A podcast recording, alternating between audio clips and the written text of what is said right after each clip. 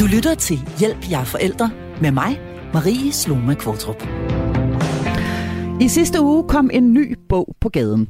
En bog, der sætter fokus på den moderne tids forældrerolle, og i sit udgangspunkt stiller det helt store spørgsmål, involverer vi os i virkeligheden for meget i vores rolle som far eller mor?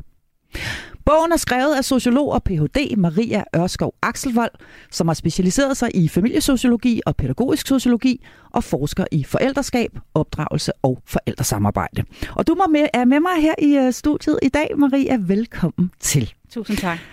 Og du sidder her jo ikke alene, for du har fået hjælp til at skrive i, i hvert fald et af kapitlerne i øh, bogen, og den hjælp har du fået af et fast, meget kært medlem af mit øh, helt utrolige panel her, nemlig autoriseret børnepsykolog Marie Tolstrup, specialist og supervisor i psykoterapi med børn. Også stort velkommen til dig. Tak. Og lad os øh, lige øh, starte sådan, øh, med selve øh, øh, definitionen, fordi nu hedder bogen, som jeg sidder med i hånden her, jo altså det grænseløse forældreskab, skal vi måske også lige hurtigt sige, at den er udgivet på Dansk Psykologisk Forlag.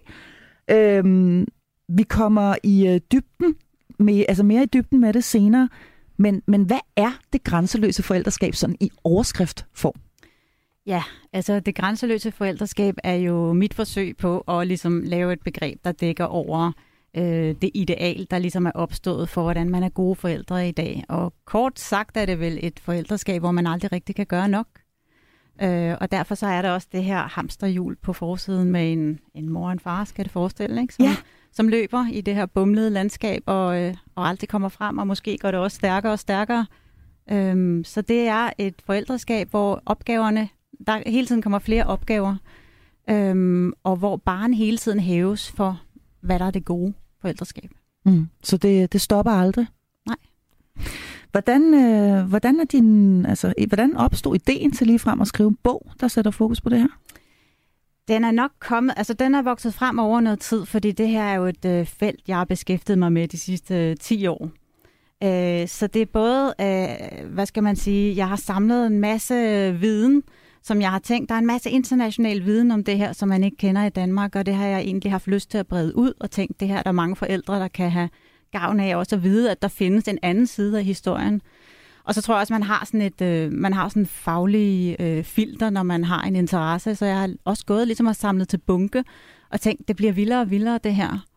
Øh, og så synes jeg bare, at tiden var kommet nu til at prøve at, at samle alle de her observationer og lave en analyse af dem.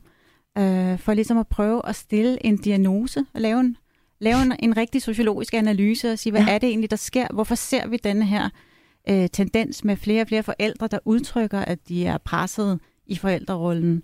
Øh, plus at jeg jo ser som so- sociolog, at kravene bliver flere og flere, når du ligesom retter blikket ud mod de strukturer, der skaber og understøtter forældreskabet. Altså fra staten, fra markedet, i kulturen, mm. øh, i medierne. Så presset kommer rigtig mange steder fra. Det kommer både udefra, og det kommer også indenfra. Præcis. Øhm, så massevis af øh, interessante indgangsvinkler, sådan rent sociologisk. mm. Hvorfor er, er denne her bog interessant øh, for dig som psykolog, Marie Tolstrup? Jamen, det er den jo i forhold til, at altså, som børn- og unge psykolog, så beskæftiger jeg mig jo også rigtig meget med forældrene. Øhm, og der, hvor det også bliver interessant, det er det her med, jamen, hvornår gør vi det godt nok? Og hvem sætter ligesom barn for, hvad der er godt nok? Er det noget, man som forældre selv får lov til på baggrund af måske værdier, eller oplevelser, eller holdninger? Eller er det noget, hvor at vi er i en tid, hvor at det måske hviler lidt for meget på andres skuldre? Altså, at vi selv har fået lidt svært ved at vurdere, hvornår er det egentlig godt nok for mig, og hvornår kan jeg stå inden for, at det er denne her type forældreskab, som jeg ligesom udøver. Øhm, og det er jo noget, der selvfølgelig i mere eller mindre grad både påvirker forældrene, men selvfølgelig også børnene og familielivet i det hele taget. Så den der sådan både utryghed og usikkerhed omkring ens eget forældreskab er jo noget, som jeg faktisk møder øhm, selvfølgelig hos øh, nogle af de klienter, som, som kommer ind hos mig.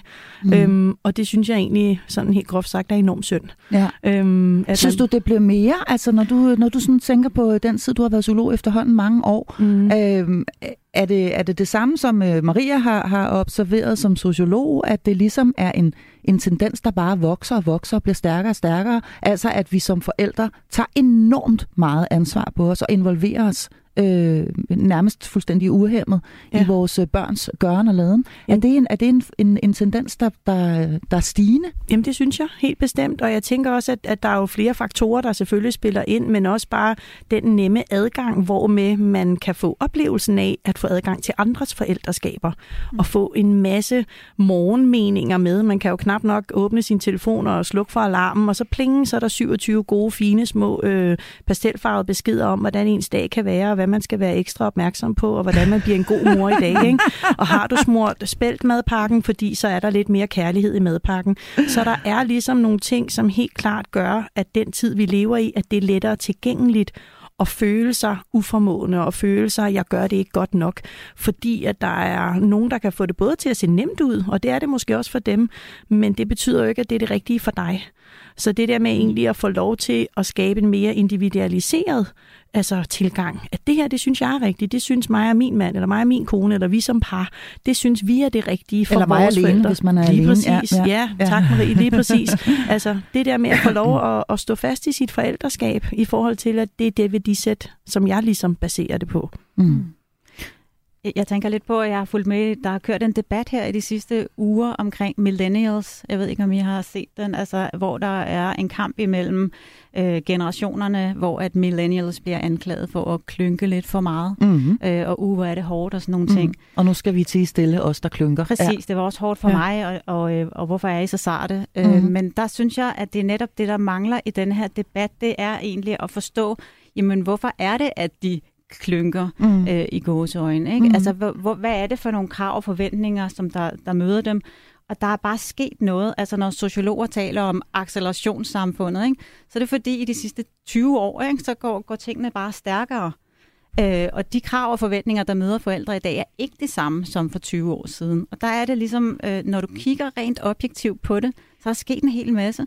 Mm. Øh, du kan kigge på, hvordan sundhedsplejen går ind i hjemmet, øh, og helt fra tidlig af øh, fortæller dig, hvordan dit barn skal følge kurven. Og allerede der kan du begynde at blive lidt nervøs, hvis, Ja. ja. hvis baby ikke kan løfte hovedet på den 300 rigtige- gram for, mit- for lidt og sådan noget. Præcis, Ja, ja, så det bliver sådan et mål, det der med at følge kurven, og der, det bliver meget sådan formålsstyret og rationelt øh, opdragelse, der sådan kommer ind helt Og meget fra målbart starten. i virkeligheden. Ja, der er meget med at måle og, og veje. Det gør vi jo meget øh, i, i alle øh, Ja. ender af samfundet. Ja. Når dit barn kommer i dagtilbud, så er der også øh, en masse ting, du efterhånden skal leve op til. Det er ikke bare pasning, men der er læring og trivsel og øh, hvad hedder det, læringskufferter, du får med hjem, øh, du skal lave derhjemme og skabe samspil imellem det, der sker i institutionen og i skolen, er det præcis det samme. Ja, og rigtige og forkerte måder på at blive passet på. Altså, at ja. Ja. der også netop er, er den der retorik og tilgang i tiden med, at der er noget, der er mere rigtigt end noget andet. Mm. Altså noget, hvor man kan få fornemmelsen af, at så er man en lidt bedre forældre, hvis man gør det på denne her måde. Mm. Øhm, så på den måde er der også meget sådan, altså i forhold til også det psy- psykologiske perspektiv, skyld og skam indover mm. I forhold til forældreskaber. Det er et minefelt af, af skam. Ja, det er det. Øh, Og, det. og det var det nok ikke måske på samme måde for 20, 30, 40 år siden. Det, øh, der er virkelig sket noget, når du kigger rent objektivt på det.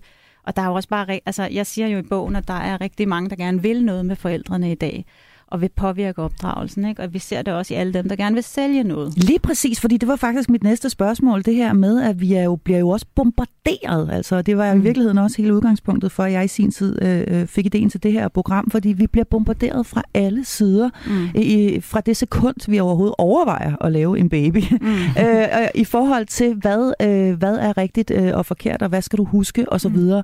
Og der er jo også nogle enorm, der er en hel industri, kan man sige, der står klar til at, at, at sælge os øh, stort set hvad som helst. Lige fra øh, øh, øh, autostole, der er topsikre, til selvhjælpsbøger, og sådan får du dit barn til at sove, og så videre, og så videre.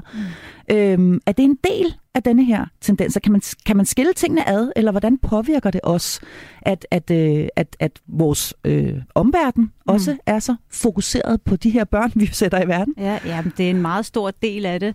Øh, det er en meget sådan klassisk familiesociologisk analyse at gøre det her, hvor man ser på, hvad er det staten gør ved familien, ikke? Mm. og hvad er det markedet gør. Og, og der kan jeg jo bare se med min analyse, at markedet øh, rykker længere og længere ind i familien.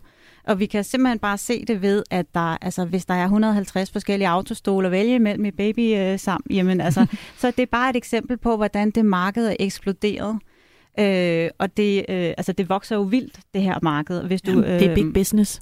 Det er big mm. business, på, både når det gælder produkter og viden, øh, terapi. Mm-hmm. Øhm, så, så det fortæller jo bare rigtig, rigtig meget. Vi bruger mange penge på, på det gode forældreskab. Øh, og øh, altså, forældre er, er usikre og markedet er rigtig gode til at nære den her usikkerhed.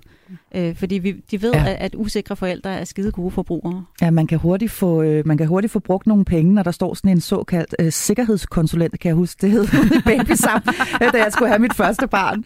Øh, og ligesom fortalte mig, at jeg kunne jo selvfølgelig vælge den billige model, men det vil han absolut ikke anbefale. øh, så hvis jeg gerne ville være helt sikker med min datter i bilen, så var det en, en god idé at tage den, den, den, den, den dyreste. Ikke?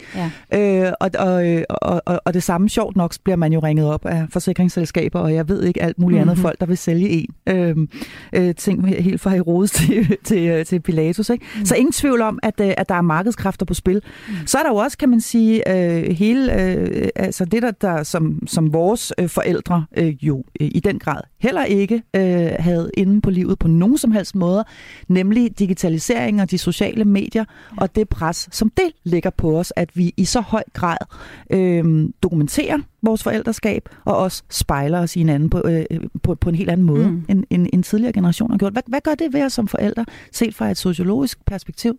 Jamen, der, der har du jo grænseløsheden, der bliver inviteret direkte ind i øh, familien.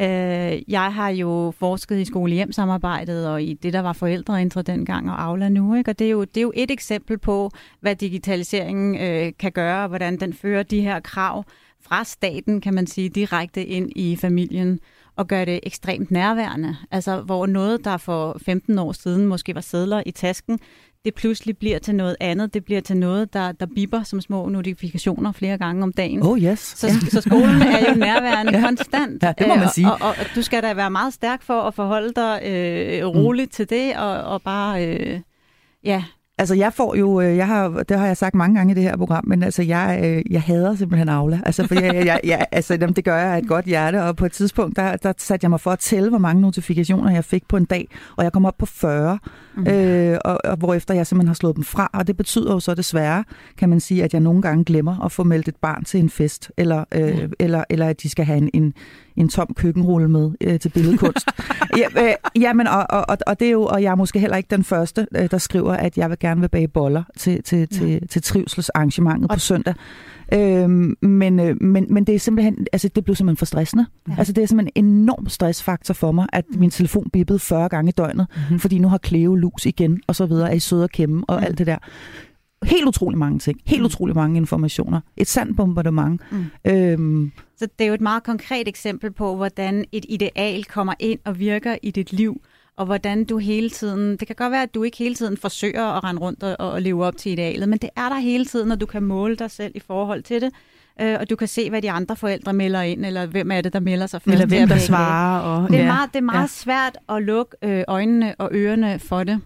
Øh, men det, som jeg synes kan hjælpe, det er, når vi begynder at blive bevidste om, at de her strukturer øh, virker bag ryggen på os og igennem os og helt ind i vores følelsesliv. Når vi ligesom kan se, øh, hvad det er, der sker, hvordan øh, ting i samfundet kommer ind og påvirker os som forældre, så kan vi nogle gange begynde at sige, jeg slukker for notifikationerne. Mm, og, det er, og det er okay. Og spørgsmålet er, om man er en dårligere forælder, når man, øh, når man øh, gør det. Jeg har lyst til at spørge, denne her bog, øh, er den egentlig et øh, opgør er den ment som et opgør med noget? Ja, det kan man godt sige. Altså, jeg har jo, jeg har jo ønsket, jeg synes, det var på tide med et modspil. Altså, som jeg siger, der er mange aktører, der gerne vil noget med forældrene i dag. Og jeg synes, det tit får lov at stå uimodsagt. Øh, jeg synes, det var på tide, at der kom øh, noget den anden vej.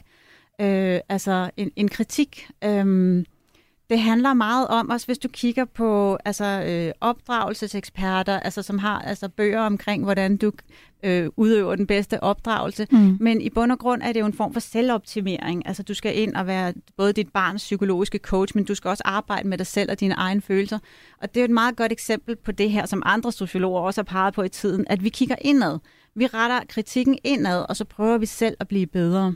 Mm. Øh, og der vil vi sociologer jo gerne sige, hey, øh, stop med det, kig udad, øh, og, og se på, hvor du kan rette din kritik hen og sige, Øh, det er ikke i orden, øh, at skolen kræver så meget af mig, eller, eller jeg vil ikke lytte til alle dem, der mener, at jeg skal opdrage på en særlig måde. Altså, mm. vi, skal, vi skal blive bedre til at rette kritikken udad, men det ligger meget i tiden, at vi skal arbejde med os selv og netop måle mål og veje og øhm, optimere. Mm. Præcis. Ja, og gøre det, mens vi også arbejder med andre. Altså det der, der er en forventning til forældrene om, at vi både skal regulere os selv, samtidig med, at vi regulerer vores børn. Mm. Så der er sådan en overarbejde på følelsesregulering, som er, vil jeg våge at påstå, tæt på umuligt, fordi altså, for det første kan man sige, ja, helt små børn skal have hjælp til at følelsesregulere, men det er jo også noget, som de skal lære at forvalte selv.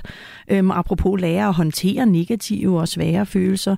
Og det er jo ekstremt krævende og et ret højt krav at stille til forældre, at mens der er blevet smidt mel eller et eller andet andet latterligt ud over det hele, at man lige slapper af midt i frikadellerne og alle mulige andre ting, man har gang i, og vasken, der biber, og en eller anden, der ringer på døren. At så skruer man lige ned for sit temperament og siger sådan helt stille og roligt, det var da rigtig ærgerligt, det gør mig ked af det, når du ikke er umage og spiller mel på gulvet. Altså, der er jo også noget, som slet ikke er autentisk i det, som også er noget af det, altså Maria peger på, og som vi også er inde på i det kapitel, øhm, som vi har skrevet sammen, men, men netop det her med, hvad er det egentlig, man kræver af forældre, når man også mm. kan stille et ideal, der er, at du skal både holde øje med dig selv, mens du hjælper dit barn. Mm. Og det tænker jeg egentlig kan være en ret stort, et ret stort krav, øh, mm. som er tæt på umuligt at leve op til. Og noget af et pres, og det kan være svært at gå i seng om aftenen og egentlig synes, at man har gjort det øh, godt nok. Ja, ikke? lige præcis. Hvad, hvad ønsker I? Har jeg lyst til at spørge jer begge to egentlig, at der kommer ud af det her indspark? For det, et indspark vil jeg, vil, jeg, vil jeg kalde det. I den grad et indspark. Jeg synes også et tiltrængt indspark i, mm. øh, i, øh, i hele øh, debatten. Øh,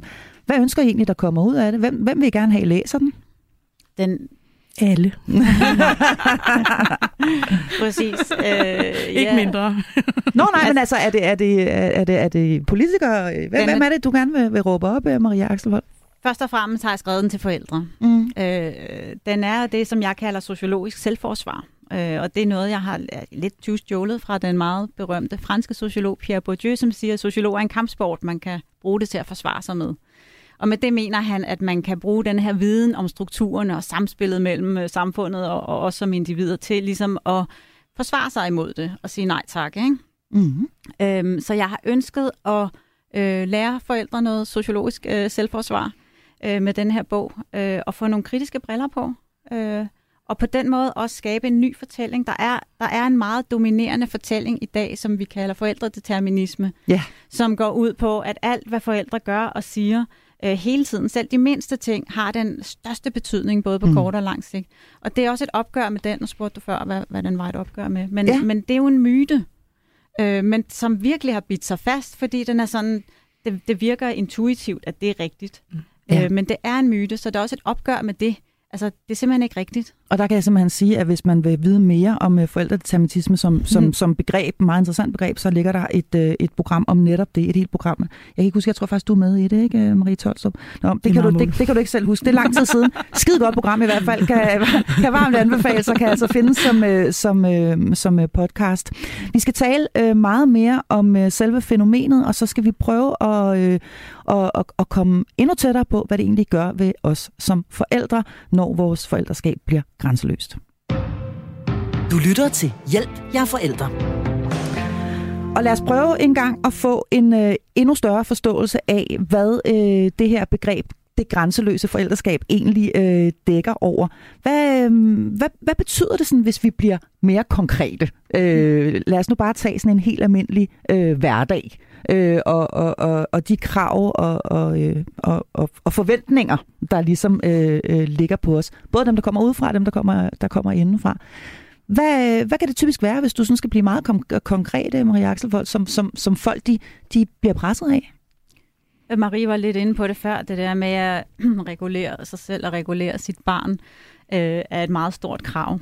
Og øhm, øh, det, øh, altså jeg gennemførte jo en undersøgelse til den her bog, hvor 258 forældre var inde og svare på en masse spørgsmål. Øh, det var rigtig spændende, og der kunne jeg virkelig se, øh, ja, grænseløsheden og det her intensive forældreskab, de prøver at leve op til, hvor svært det er. Fordi noget af det, der er mest påfaldende i, øh, i den undersøgelse, det er, at de simpelthen, de prøver og de prøver at lade være med at skælde ud, og de prøver at regulere deres barn, og de prøver at regulere sig selv, men de kan ikke. Øh, og det er fordi, som jeg også prøver at vise i bogen, øh, det stiller nogle meget store krav, når man skal... Øh, når man skal styre sig selv på den måde og kontrollere sine følelser. Ja. Øhm, i, øh, på, I den engelske litteratur, der taler man om positive parenting. Og det er lidt det samme, som når vi har hjemme taler om det nye børnesyn, altså at man skal opdrage med et smil. Øh, man skal hele tiden ligesom være positiv og undertrykke det negative. Og det kræver øh, et stort følelsesarbejde. Altså, fordi det ligger jo ikke naturligt for os. Vi skal jo gribe os selv i at lade være med at skælde ud, eller gribe os selv i at sige det rigtige og, og korrekte. Øhm, og det er et stort arbejde, og følelsesarbejde, det handler om det her med, at du ligesom du observerer, at du er i gang med at føle noget forkert, noget du ikke bør føle, og så skynder du dig enten at undertrykke den, eller du prøver at, at føle det rigtige. Mm. Øh, og det er enormt anstrengende, men der er noget, der tyder på, i hvert fald også i den undersøgelse, øh, som jeg øh, har lavet, og også i den internationale forskningslitteratur, som jeg har kigget på til det her, at det er der flere og flere forældre, der gør i forsøget på at leve op til det her intensive ideal, vi har. Mm. Øhm, og det, altså, det er bare utrolig stressende, og man, man, det er en mærkelig måde at være i livet på, at gå rundt hele tiden og være opmærksom på, hvordan er jeg som, som forældre. Ikke? Ja, i virkeligheden kan man sige, Ja. at vi jo kan, altså på denne her måde kan, kan, kan risikere med, øh, at, at faktisk at være på arbejde 24 timer i døgnet. Ja. Altså fordi man, når, man, når man hele tiden skal tænke over, hvad man siger og gøre, Ja. og også øh, når man er sammen med sin allernærmeste, ja. Nemlig sin familie, Ja. øh, så er man jo faktisk på overarbejde hele tiden, Marie Tolstrup. Ja, jeg tænker også netop det der med altså det autentiske, også for at, at vende lidt tilbage til det, men også netop det, som du siger, Marie, i forhold til, hvordan ser en helt almindelig dag ud. Og jeg ja. tænker, for mange forældre, øh, det sekund, de åbner øjnene, altså så er der jo nogen, der allerede har en idé om, at jeg skal huske at nå at løbe, inden at jeg overhovedet vækker mine børn, fordi Mm. det er jo vigtigt, at jeg er sund, og at jeg har et sundt ideal at vise over for mine børn, og at jeg samtidig passer på mig selv. Ja. Selvom overskuddet måske ikke nødvendigvis er der. Øhm, så det starter jo, altså det er jo, det er jo non-stop.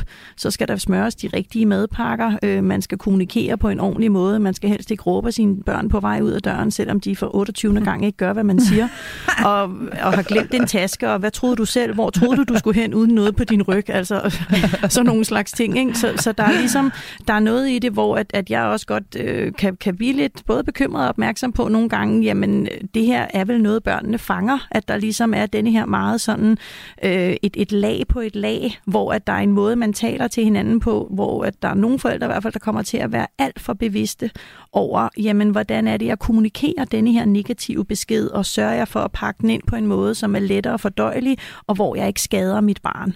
Øhm, og jeg tænker, at, at netop apropos også, hvad, hvad vil man egentlig med, altså nu kan jeg jo kun tale for, for det kapitel, jeg er med på, men denne her vigtighed af, at jamen, du gør det godt nok. Mm. Altså, øhm, og, at, og det er hårdt at være forældre, men det er også okay. Altså, øhm, at der ligesom er den der, vi vil egentlig gerne lidt, øh, ved jeg Maria og jeg har talt om, tilbage til den der med, at jamen, det her det er det, jeg står ved, og det er det, jeg gerne vil, og det er faktisk okay. Mm. Øhm, og heller ikke at føle sig dømt af, når man så om aftenen er ude med veninderne og hører, hvor godt det går med deres børn, og hvordan de har nået det hele, og sidder der og har også fået sjællagt på, fordi det er noget, de lige i pausen, eller hvad, hvad det nu kan være. Altså, at der er ligesom rigtig mange krav, som vi helt klart både putter på os selv, men som jeg også tænker, der netop er et marked, der er med til både at understøtte og også øh, prompte os lidt til. Og der har jeg lyst til at spørge lidt smule ind til hele den jo altså voksne øh, selvhjælpsindustri, kan man Ja. sige, som gerne vil fortælle os, hvordan, øh, hvad opskriften er på, øh, på, på den gode opdragelse Ja. i virkeligheden. Ja.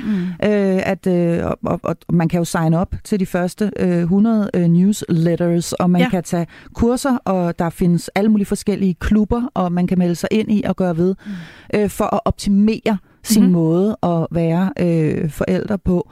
Øh, det stikker også i mange forskellige retninger. Ja. Altså hvis man først begynder, det har i hvert fald været min egen oplevelse, og også øh, en del af, af grunden til, at jeg har lyst til at lave det her program, hvor jeg ligesom forsøgte at samle videnskaben under et tag, men, men, men det stikker jo i mange forskellige retninger. Ja. Øh, og, og man kan blive forfærdeligt forvirret af, om man nu skal Gør er det er, ene er, eller det er, andet. er, skal det være nordisk, eller skal det være det ene eller det andet? Må man, må man ikke hæve stemme, eller må man godt, Mhm. og så videre? Hvornår er man autentisk, og så videre? Hvor Ja. meget skal børn have lov til at bestemme, og alt det her? Ja. Hvad gør hele denne her øh, selvhjælpsindustri, vil jeg kalde den, som, jamen ja, groft sagt kan man sige, at det her program er jo en del af, Ja, ja. en, en del af det. Øhm, men- men selvfølgelig det, man skal vælge at lytte til, det er klart.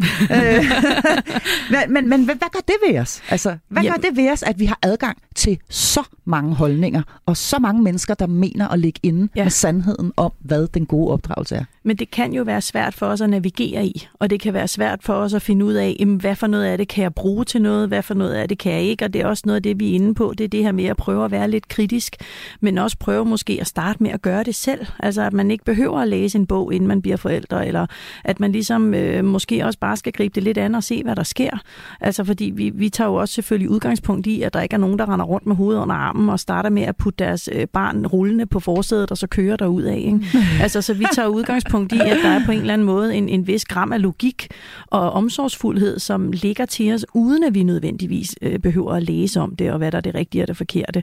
Og, og det er jo igen noget, som, som kræver noget mod, øhm, og, og hvor det også kræver, at man faktisk lidt finder ud af, jamen, hvad er mit værdi sæt som forældre. Hvad er det, jeg gerne vil lære mine børn her i livet? Mm. Og det kan jo godt være nogle ret store spørgsmål, øhm, som for nogen måske bliver for store, og så bliver det noget, hvor man kan søge hjælp hist og pist. Og det er jo, vi har jo også talt om paradokset i, at, at vi et eller andet sted siger, jamen, lad være med at gå ind og lytte til alt det der, og så skriver vi om det, og så skal man købe den bog for at lade være at gå ind og købe alle de andres, eller hvad ved jeg. Ikke? Og, det er, og det er ikke rigtigt det, som er vores ærne, men altså, jeg prøvede også forleden lidt at sammenligne det med, at hvis man gerne vil kæmpe for klimaet, så bliver man jo også nødt til at rejse rundt med transportmidler for at fortælle mm. om, hvorfor man skal kæmpe for klimaet. Mm. Så der er jo en måde, man bliver nødt til at formidle tingene på. Mm. Øhm, og, og det tænker jeg egentlig lidt, apropos det der med, at det et opgør, eller er det også lidt en opmærksomhedspunkt? Hey, du behøver faktisk ikke. Altså, hvad vil der ske, hvis du lå være med mm. at følge alle mulige på alle mulige ting, og bare prøve at være dig selv. Mm. Er vi kommet for mm. meget op i øh, hovedet? Øh, Marie Axel, jeg har lyst til at tage, øh, spørge dig om, vi, nu talte vi lige inden vi gik på her, om, øh, mm. øh, om det her med, hvordan man Øh, altså ens krop jo kan, øh, lige mm. pludselig kan fortælle en. Øh, jeg har selv lige oplevet det, at hey, nu er der for meget på din tallerken, hvis du bliver ved med at over, mm. øh, ligesom overhøre øh, alarmsignalerne, jamen så, så kan ens krop jo fælde en på mærkværdig vis. Mm. Når vi taler om det her, så har jeg egentlig lyst til at spørge dig, at vi, øh, kan, kan, vi, kan vi rent sådan intellektuelt øh, øh, uddanne os til at blive de perfekte forældre? Øh, kan vi det? Eller er vi for meget op i hovedet? Det skal jeg ikke kunne sige, om, om det teoretisk set er muligt. Men, jeg, men ja, jeg tror, vi er for meget i hovedet. Og, øhm, og, og jeg synes også, man kan se, at i det her grænseløse forældreskab, der er der ikke plads til kroppen. Øh, der er ikke plads til at være træt øh, øh, kroppen må ikke have ulyst til forældrefesten, eller den, den skal prøve at få lyst, øh, og du skal, hvis du er træt, så må du lige tage dig sammen. Ikke? Ja, at tage to hovedpinepiller. Øh, ja, eller ti. ja, præcis. Og det ja. tror jeg skyldes meget, at man, altså man kan jo se, hvordan opdragelse er blevet øh, psykologiseret, psykologiseret, altså i en hidtil uset grad. Mm. Altså det er blevet professionaliseret ja. også. Ikke? Ja. Øh, sådan har det jo ikke altid været. Der har opdragelse og, og, og det at opfostre børn har jo også været noget, som er gået i, i arv nærmest. Eller man har lært det i, i fællesskabet. Ikke? Ja, præcis. Det, det gør og at de ældre, længere. ældre kvinder i familien har fortalt, hvordan det er. Præcis. Ja. Og jeg, jeg, jeg plejer gerne at fortælle historien om, at det bedste råd, jeg nogensinde har fået, øh, det var, da jeg fik mit øh, første barn og var relativt ung, det var min gamle mormor, der sagde til mig, sov hver gang dit barn sover. Øhm, og, og, og det, der simpelthen var så klogt ved det, det var, i stedet for at være sådan meget forhippet på at få hende ind i en eller anden mm. særlig rytme, og når hun så sov, så skulle jeg spæne rundt og, og gøre mm. rent og hænge vask. Det, det, det var et genialt råd, fordi hver gang hun øh, faldt om kul, så lagde jeg mig bare ned ved siden af hende. Ja. og sov. Og det gjorde i virkeligheden, at jeg faktisk ikke synes, det var særlig hårdt. Altså, jeg, jeg ja. synes faktisk ikke, at det var særlig hårdt øh, at, at, at, få, at få det her barn, fordi Præcis. jeg var en modsætning til mange andre, kan jeg se, øh, nye forældre. Mm. Jeg var sgu udviklet nok. Altså godt være, ja. at hun var vågen om natten, men så sov jeg ja. tre gange i løbet af dagen. Mm. Jo, men også det her med, øh, jeg havde sådan en gammel, garvet sundhedsplejerske, og jeg har jo tvillinger, og jeg løb jo rundt og synes det der med, åh, de må ikke græde, fordi så sker der et eller andet og alt muligt. Og hun sagde det mest fantastiske til mig, og sagde, prøv at høre, når man har tvillinger, der er altid en, der græder. Mm. Ja. Og, og det lænede jeg mig fuldstændig op af. Jeg blev sådan helt, nå, ja, nu græder du lidt, men nu står jeg sådan set med din bror lige her, så der er ikke en skid, jeg kan gøre ved det. Nej. Altså, og på den måde blev jeg også lige klar lidt mere afslappet i det der med, jamen det gør babyer jo nogle gange. Altså, men det er jo også bare et, hallo, jeg er her. Det er jo ikke altid et, tag mig op og trøst mig, ellers så ryger tilknytningen, og så går alt galt resten af livet, og jeg bliver ikke til noget. Altså, og, og det er jo den, man skal faktisk være lidt opmærksom på i forhold til, at jamen, det er jo også noget, de gør, uden at de går i stykker. Altså lidt det der, som vi også øh, har talt os ind i, altså at børn er på en eller anden måde, og det har vi også været ind over, over andre programmer også, hvor øh, Morten Schrøder har været så god som, som børnelæge til også at sige, at folk, altså børn kan tåle meget mere, end vi tror. End vi umiddelbart øh, altså, og de med. er ikke små, sårbare øh, violer, der blafrer i vinden, og så går de i stykker. Altså, at, at der er ikke noget med, at når man så har du gjort det her, er lige med falit, dårlig barndom, det hele er gået i stykker. Nej. Altså, at den nuancering er også egentlig lidt det, som altså, vi forsøger os med at sige, jamen, prøv at høre, altså, shit happens. Ja. Og de er ligeglade med, om de har to forskellige strømper på, Sjovt eller nok. om deres, Eller om eller om deres- deres bodystocking altså, er plettet. Ja, eller, eller om altså, det ja. er altså, pølsehorn fra frys eller hjemmebagte med spelt. Faktisk smager dem fra frys ofte meget bedre. altså, og og det, det er lidt det der med, at, at altså, jeg hørte også en sige forleden sådan, ej, i aften er vi rigtig frække, vi har bestilt takeaway pizza. Og jeg var sådan, okay, Jamen, og, og, altså, altså, hvor jeg først var lidt sådan nysgerrig, hvorfor det var fræk, men det var jo det der med, at det er ikke hjemmelavet, det er ikke ordentligt, det er ikke fra bunden, det er, mm. altså, og, og, og det tænker jeg bare, at det er jo helt fint, hvis man vil gøre det, men at ligefrem føle skyld, mm. hvis det var det, der var på spil over det, det, vil jeg, det synes jeg er ærgerligt. Mm. Det vil jeg nok godt prøve at tage væk fra nogle forældre. Mm. Mm. Så skyld og skam fylder altså en hel del, Maria Ørskov Axelvold, mm. når vi taler om det her grænseløse forældreskab. Vi føler simpelthen aldrig nogensinde, at vi bliver færdige. Det er øh, Nej. det, som dit øh, fine billede på forsiden af bogen illustrerer. Mm. Vi løber og løber og løber, men vi løber i ring. Øhm, hvad... Øhm, hvad gør, ja, jeg har lyst til at spørge, hvad gør vi ved det? Altså, hvad har, altså, øh, har du nogen som helst, øh, har, du, har, har du noget som helst bud på alternativet mm-hmm. til det grænseløse forældreskab, når nu samfundet er, som det er? Det ser jo ud, som det gør. Præcis, ja, og jeg vil også godt øh, komme med den dystre prognose. Jeg tror ikke, det er i gang med at, at, at blive mindre Nej. intensivt. Det kommer ikke til at stoppe, men derfor er det måske også endnu vigtigere, at vi får den her opmærksomhed, som Marie snakkede om. Mm. Første skridt er vel at blive bevidst. Ja. Øh, og jeg tænker måske, der er mange forældre, der ikke er bevidst på, øh, mm. at der findes jo altså også, vi kan, lave, vi kan vælge at lave en anden fortælling om det gode forældreskab, hvis vi vil. Og i det kapitel, vi har skrevet, der bruger vi jo forskningen og videnskaben og står på den og siger, prøv at høre, der er faktisk belæg for, at det der med det gode nok forældreskab, det er vidderligt det bedste. Ikke? Mm-hmm. Og Så det skal, der- vi, det skal vi tale nemlig meget mere om lige om lidt, hvad det egentlig gør ved vores børn. Mm-hmm. Ja. Øhm, men, men lad os lige blive hos os øh, forældre til at starte med, fordi mm. det kan jo være nemt nok bare at sige, jamen luk af for det. Sluk for de der notifikationer. Jeg skulle have fire børn øh, på Aula, før mm. at jeg fik nok af notifikationer. Nå jo, men ja. altså det kræver faktisk noget mod, og det, Ja. er, og, og, og det kræver rent faktisk, at man også har en eller anden vis form for Øh, ja, ja, altså at man, Modstandskraft at, ja, mod, mod, ja, Mhm. modstandskraft vil Mhm. jeg faktisk øh, kalde det, at man ikke øh, øh, konstant føler sig øh, øh, øh, bagud og, og utilstrækkelig. Øhm, Og- Så det kan jo være nemt nok at sidde og sige, Mm. I- jeg tænker alligevel, når jeg kigger sådan ud over landskabet. Mm. øh, af, af, både på sociale medier, men også sådan omkring mig i min egen omgangskreds osv., at jeg synes, jeg fornemmer, at der er en modbølge på vej. Mm. Jeg synes, jeg fornemmer, at der bliver både flere og flere, som kalder det klynker, eller mm. Mm. kald det, hvad du vil, men som godt tør sige, det her, det kan jeg simpelthen ikke holde til. Mm. Eller godt tør skrive på Instagram, at de er gået ned med stress, fordi mm. Mm. nu kan de fandme ikke mere. Altså, nu er det for meget, eller... Øh, og der findes jo også lige frem dem her, som stolt viser deres fuldstændig øh, ramponerede maveskin frem efter en fødsel, øh, øh, og kalder det øh, øh, kropsaktivisme. Præcis. Hurra for det. Altså, ja. Ja. hvor er det vidunderligt at få lov til at se, hvordan, øh, hvordan vi i virkeligheden ser ud. Mm. Og ikke er bange for at sige, ja, så blev det pizza for fjerde dag i træk. Altså er der ikke i virkeligheden en, en modbølge, en modreaktion derude lige nu øh, på alt det her Jo. øh, pres og perfektionisme? Jeg tror, der er en spirende øh, modreaktion, og det, og det siger vi også i bogen. Det vil vi gerne puste til øh, og give lidt, øh, lidt øh, medvind, øh, for at den kan komme frem, og for at man, kan, for man tør være med på den. Mm-hmm. Uh, det er også noget af det, som forældrene i den undersøgelse, jeg lavede til bogen, øh, fremhæver det der med, åh, der, altså forældreskabets, øh, den der smalle sti for det gode forældreskab, ikke? Gid den var lidt bredere. Gid vi kunne stoppe med at kigge på hinanden og se, hvad hinanden gør, og, og måle og veje os selv i forhold til andres perfekte forældreskab.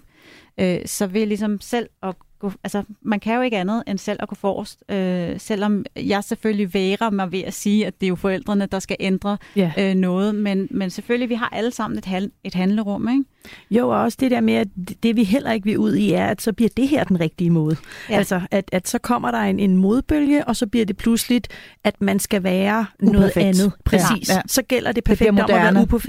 Ja, ja. Når du er sådan en, der går op i spælt, det var dog anstrengende for dig. Ja. Mm. Altså, så Nej. det er egentlig lidt det der med at komme væk fra det, altså som de gode pædagoger over i skolen siger, pas din egen butik. Ikke? Mm. Altså, Og lad som, være med at bashe hinanden i Ja, virkeligheden, fordi det egentlig. oplever vi jo også rigtig meget, at der ligesom Ja. bliver taget patent på, ja, på sandheden på, og på, på, på, og på på det gode forældreskab. Ja. Du er en Yes. god forælder, hvis du spiser 100% økologisk. Lige præcis. Eller du er en god forælder, hvis dit barn går til Ja. sport, eller Ja. hvad, hvad det nu end er. Ikke? Og Jo. du, stiller op til alle trivselsarrangementer ja. og fester Og- i uh, forældrefester i klassen osv. det er politikerne jo også øh, rigtig ivrige efter at Ja. blande sig i. Yes. Alt lige fra transportministeren var det her forleden, der gerne ville øh, sige noget om, at børn skulle cykle i skole, til når undervisningsministeren går i masser af monopolet og siger, at man ja. skal gå til forældrefester, selvom man ikke har lyst. Ja. Altså, der er kommet en tendens til også, at man fra et meget højt plan gerne vil blande sig i, hvordan man er forældre på den rigtige måde. Ja. der, Og det er i virkeligheden nyt jo. Altså, fordi det synes jeg ikke, jeg kan huske, man har set før. Nej, at de sådan det- på den måde ligesom kommer helt ind i, uh, i stuerne til os. Vel? Det Ja, er og- noget nyt. Og der kan jeg jo heller ikke lade være at tænke på, og nu må jeg jo, det kan jeg måske godt sige, fordi jeg er kvinde, men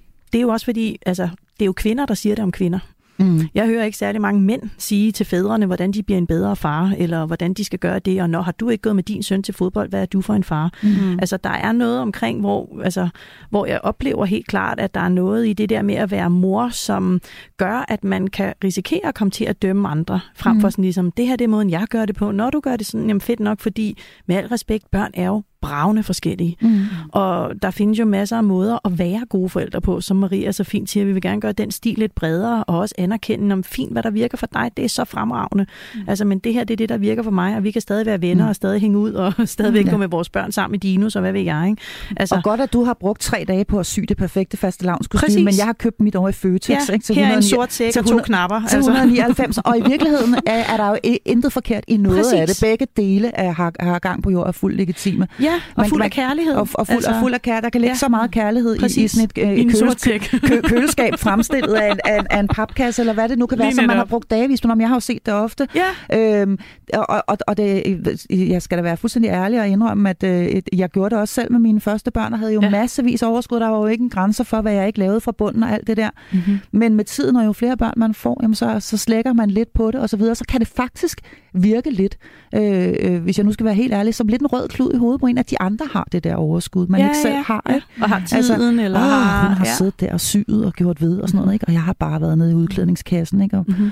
og, og, så, så på den måde kan man sige, at, er det jo faktisk rigtig hårdt at, Ja. at Ja. spejle sig Ja. i hinanden. Ikke? Ja. Øhm, så der skal man måske i virkeligheden minde sig selv om, at der er ikke noget rigtigt og forkert. Det er fint med spælt. Præcis. Det er også fint med en krydder. Jamen lige præcis, og også det der med netop, som du så fint sagde, Marie, at støtte hinanden. Altså, og, og støtte op omkring, og, og sige til hinanden nogle gange, hold kæft, hvor er du en god mor. altså, og ej, hvor gør du det godt som far. Altså egentlig lidt at dele den der kærlighed, især når de står der i Netto, og ens barn øh, går balajka, fordi de ikke må få et eller andet. Og, altså, og der var en mor for nylig, hvor jeg så, hun stod, nu kommer du fandme med mig, og ellers så mister jeg simpelthen et eller andet. Og så gik jeg hen til hende og sagde, hey, du gør det godt nok. Ja. Og jeg kunne se at hun havde lyst til at græde og give mig et kram, og den der unge lå bare og skreg og væltede rundt i, hvad der mindede om isboksen. Ikke? Altså, men det der med ligesom at rose hinanden lidt og sende et smil til en forælder, der står og kæmper med et barn, frem for sådan nogle dømmende blikke, og nu må du lige, og hvad kunne du, og lad dog være at råbe, eller lad være skælde ud. Ikke? Ja. Altså, Og det, som nogen os har oplevet som altså, decideret sådan forældrebashing i det Ja, offentlige rum, når man, når, man, øh, når man står midt i en konflikt, og sveden havler ned ad ryggen på en Ja. og så videre. Så det er i hvert fald en af vejene, kan man sige. Nu bliver vi oplyst. Man bliver endnu mere oplyst af at læse den her Mm. øh, bog. Jeg følte mig også øh, virkelig godt underholdt undervejs. Øh, så vi har opmærksomhed på det. Vi får opmærksomhed på, at det her det er en kæmpestor gryderet mm. øh, af mange forskellige faktorer, der er på spil. Ja. Og, og, og vi bliver presset fra mange kanter af. Og som voksne øh, og forældre må vi også godt prioritere os selv. Ja. Det ligger jo også meget Please og, det, og Ja. det ligger virkelig meget i det nye børnesyn, ikke? Mhm. at barnet kommer først, øh, øh, og du altid selv, og, og din krop og trætheden kommer sidst. Ikke? Og, ja, og parforholdet er nærmest nummer to, eller hjemmet er nummer to, eller Præcis. hjemmebag er nummer to. Altså, det, du Og- er nummer 10 i rækken. Ja, og det der med, hvad børn har behov for, det bliver et meget stærkt argument. Øhm, der er en britisk forsker, der har sagt det så fint, det der med, at øh, børn har behov, men mødre har bare ønsker. Altså, bør- og behov, Ah. behov skal jo øh, Dækkes. skal dækkes, Mhm. mm-hmm. men det andet, det er ligesom noget, det, det, Ja, det, det kan du må vente vi, med. det må vi se på. Mhm. Ikke? Og der, altså, der vil jeg jo gerne have, at vi begyndte at tænke lidt mere. Jeg, jeg, jeg skal også have det godt som voksen. Jeg har Og det behov for også- et glas vin. Præcis, ja, og du, du skal have det godt ja. som forældre. Ja. Eller en du- pause. Ja. Ja, og du må godt sige nej, ikke? Ja. Øhm, og sætte personlige grænser. Mhm. Øhm, det er der faktisk brug for. Ja. for at du kan være en god forælder. Ikke? Og lige præcis det her med, hvad øh, det egentlig gør ved vores børn, at, øh, at vi øh, bare knokler der ud af og måske også overinvolverer os, det skal vi tale om nu. Du lytter til Hjælp, jeg er forældre. Ja, og øh, vi taler altså i anledning af udgivelsen af en helt ny bog, der hedder Det grænseløse forældreskab, skrevet af sociolog Maria Ørskov Akselvold med hjælp fra øh, medlem af mit faste panel, børnepsykolog Marie Tolstrup, om, øh, om denne her bog og hele det her fænomen, som der altså bliver sat fokus på i denne her øh, bog, det grænseløse forældreskab. Vi har talt om, hvad det er, hvad det gør ved os øh, som forældre sådan grundlæggende, øh, hvordan vi måske kan bevæge os lidt væk fra det, øh, så det ikke ender med at tage livet af os. Og nu skal vi altså tale om, hvad det egentlig gør ved vores børn. Øh, Marie Tolstrup, set med dine børnepsykologbriller, øh, er det her grænseløse forældreskab overhovedet godt for, for børnene? Jamen, nu har jeg jo ikke lyst til at sige... Øh nej, det er elendigt, så får dine børn det elendigt. For det første passer det ikke, og, og, og for det andet, så kommer jeg jo så til at tale direkte ind i det, vi vil have mindre af. Ja. Men, men det er også sådan, at der er ikke én ting, der altid udløser hinanden. Altså, der er ingen kausalitet i forhold til det. det er jo, jeg plejer i forhold til, nu arbejder jeg jo med, med børn og unge med, med angst og OCD og depression, og jeg plejer altid at forklare forældrene, når de siger, hvorfor har mit barn fået angst, eller hvorfor har mit barn fået OCD, eller er blevet depressiv. Jamen prøv at høre, hvis du havde 20 børn i en bus, der var en ulykke, fem af dem dør, så er det ikke alle de 15 resterende, der udvikler PTSD eller udvikler angst. Eller, altså, der er ikke én faktor alene, som kan gøre, at der er noget, der ligesom bliver udviklet. Og det er jo det samme her. Igen, børn kan tåle ufattelig meget. Jeg tænker, at egentlig er det vigtigt at vende den lidt på hovedet, og det er det der med, at du er glad som forældre. Altså, trives du i dit forældreskab? Og selvfølgelig er vi ikke glade hele tiden, meget apropos de negative følelser skal være der. Og der er nogle hårde år, altså hvor man bare har lyst til at slå hovedet hårdt ind i væggen, og det, det skal der også være lov til at være anerkendelse omkring. Mm. Så, så det er lidt mere det der med, hvad gør det med dig, ved dig som forælder, hvis der er en masse krav, du føler, du bør leve op til, og som du ikke føler, du kan leve op til. Og du faktisk er pladet af måske kronisk dårlig samvittighed Ja, eller og at du følelsen aldrig af, gør det af godt nok. utilstrækkelighed. Hvad gør det ved børn? Jamen, at, at, det er jo at, ikke have, fedt. have forældre, der, der, Der ikke er glade. Der ikke er glade. Altså, fordi det er jo sådan, man lidt kan kigge på det, og det er jo ikke godt. Og jeg, jeg plejer også lidt at sige, jamen, prøv at høre, altså, vi har jo også børn, hvor vi skaber et vis øh, forældreideal, og det plejer jeg egentlig meget at sige, når jeg gerne vil have mor og far på date, og siger, hvornår har I to sidst enten passet på jer selv, eller passet på hinanden, afhængig af, hvad for et forældreskab det er, øh, om man netop er enlig eller par, eller, øhm, men det der med også at sætte et ideal for, at det er vigtigt, at dine børn ser jeg passer også på mig selv. Jeg tager også tid til dates med far eller mor eller partner, eller bare gå ud og tinder den, eller hvad ved jeg. Altså det der med, at, at man ligesom viser, at det er vigtigt at passe på sig selv. Og at man som forældre er et fundament i familien, at hvis der ikke ligesom til tider bliver passet på det fundament, jamen så krakelerer det lidt. Og, og det er jo ikke det ideal, man vil sætte. Altså, man Nej, vil gerne... tværtimod tilstræber man jo det modsatte, kan Jamen, man lige sige. præcis. Og, og, og, og vi skal jo i, i det hele taget lige sige, at, at alt det her grænseløse forældreskab, ja. Ja. det opstår jo alt sammen af kærlighed. Lige præcis, og, og, og omsorg. Og, og er ønsket om at Ja. simpelthen være det bedst mulige for ens børn, som man selvfølgelig elsker fuldstændig ubetinget. Ja, og give dem de bedste muligheder. Det er nok Ja. ja. den krølle, der lidt er, at det på den måde kommer det nogle gange til at virke som om, at, at vores børn er et produkt og en direkte refleksion af vores evner. Mm. Så der bliver også noget præstation ind over, at jamen, hvem er jeg som forælder, hvis jeg ikke formår at skabe og hjælpe mit barn med at få skabt eller være den bedste version af sig selv. Mm. Altså, hvordan afspejler det så mig, både som person og som forældre? Øhm, så lidt tilbage til dit spørgsmål i forhold til, jamen, hvad gør det så ved børnene? Jeg vil sige, at, at det er jo aldrig rart at have en mor eller en far, der ikke er glade. Det kan de også sagtens overleve i, i perioder. Men, men jeg synes egentlig det der med også at sætte noget med, jamen, i aften skal jeg ud. Hvorfor? For det har jeg lyst til. Det synes jeg er dejligt. Ha' det godt. Hej hej. Altså, mm. at, at det er der er også noget rigtig sundt i. Egentlig at vise, at det også er en prioritet, at vi ikke er på 10. pladsen. Præcis. Mm. Og hvis vi kigger ud omkring i verden, ikke? Øh, kigger på, hvad antropologer finder, og hvordan man opdrager børn ude i verden, så er det altså ikke øh, resten af verden. De opdrager ikke børn, som vi gør her i øh, Nordeuropa eller i den vestlige verden. Man har jo ikke de her idealer om, at man skal være inde over sit barns liv på den måde, som vi tror er det rigtige og det selvfølgelige.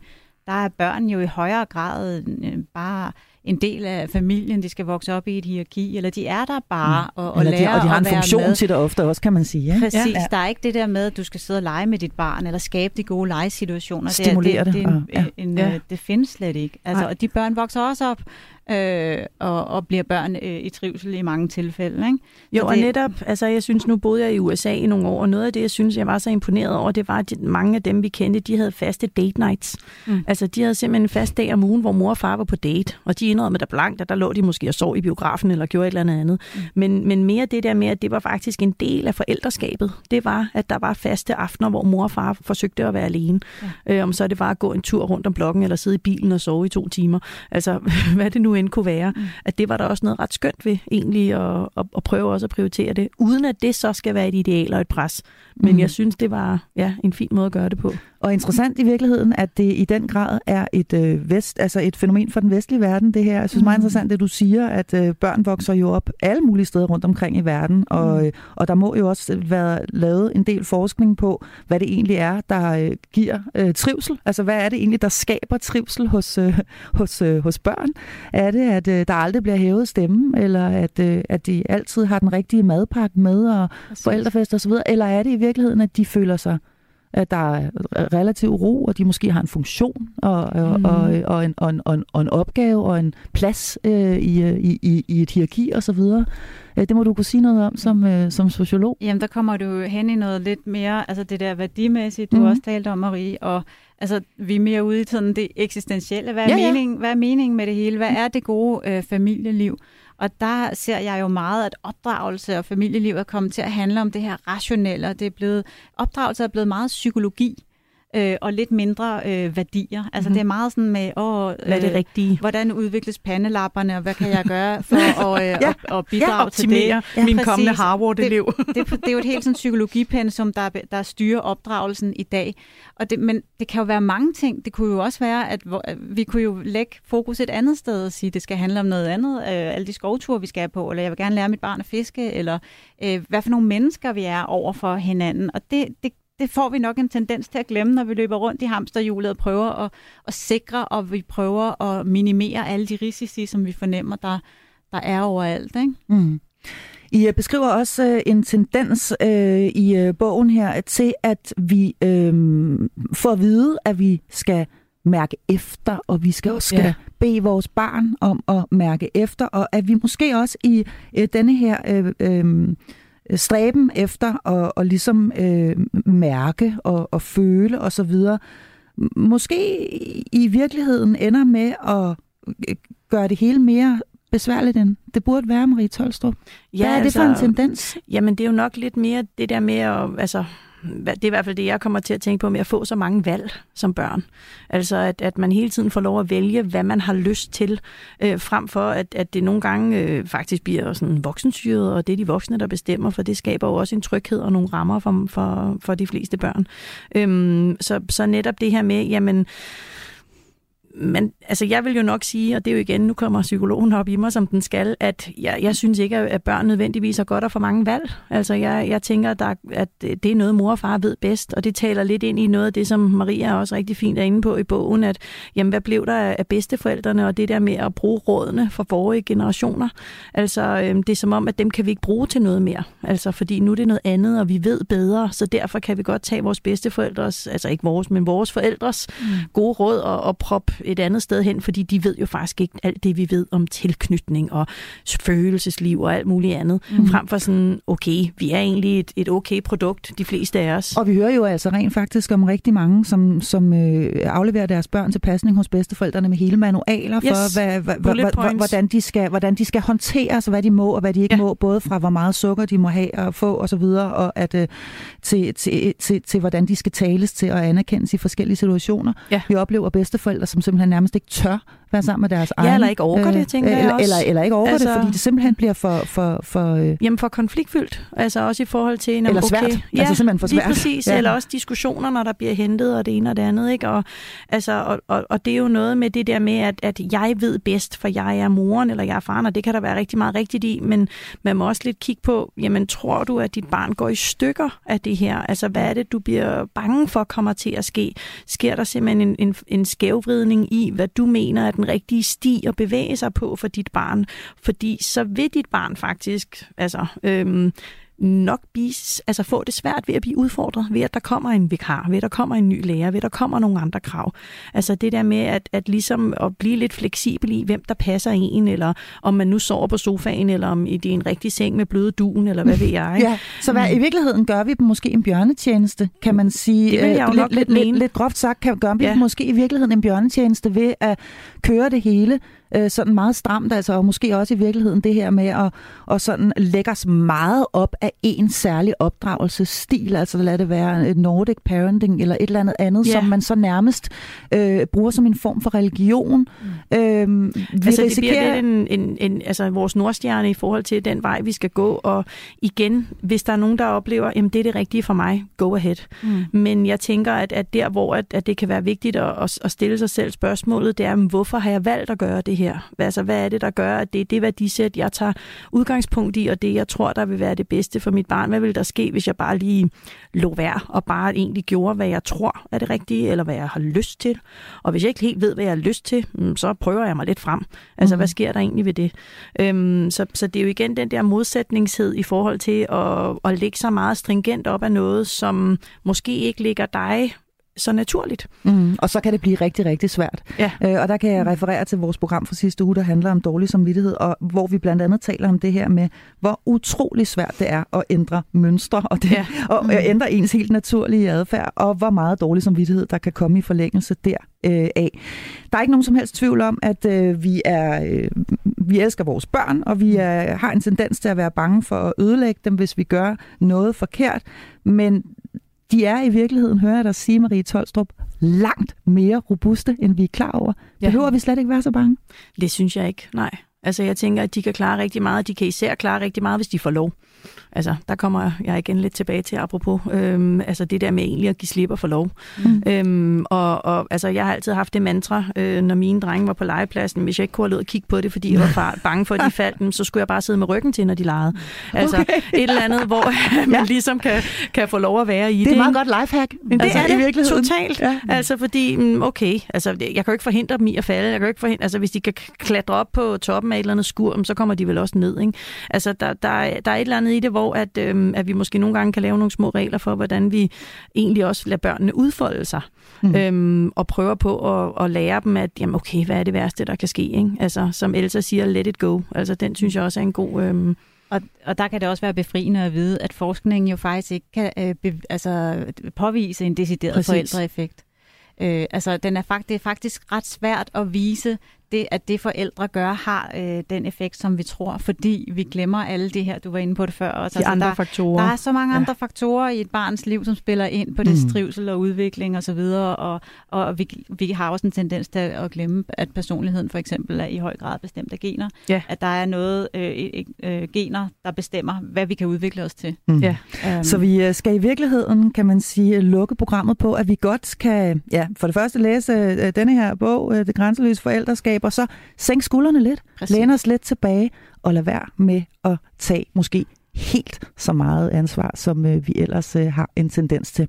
Jeg vil gerne sige tusind tak for tiden og simpelthen gået. Det var en ren fornøjelse at tale med dig, særlig input gæst i dagens anledning, sociolog Maria Ørskov Akselvold, og fast medlem af mit panel, altid fantastiske børnepsykolog Marie Tolstrup. Tusind tak, fordi I kom begge to.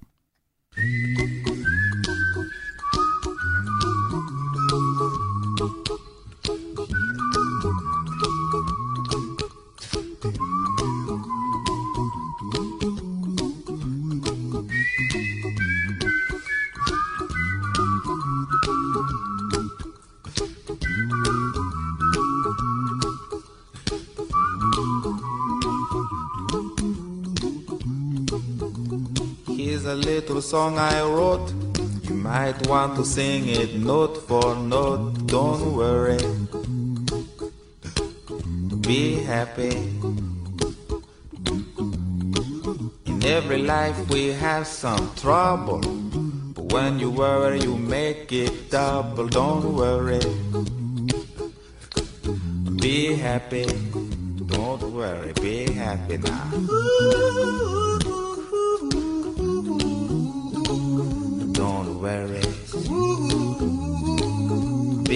Happy. Don't worry, be happy.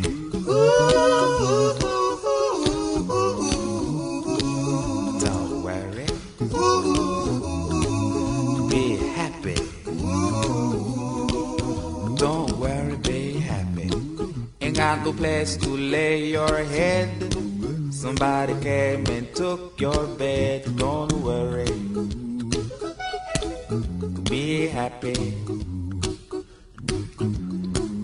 Landlord say your rent is late.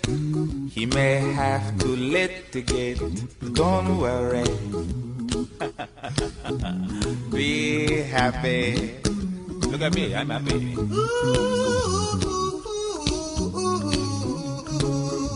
Don't worry. Be happy. I give you my phone number. When you worry, call me. I make you happy.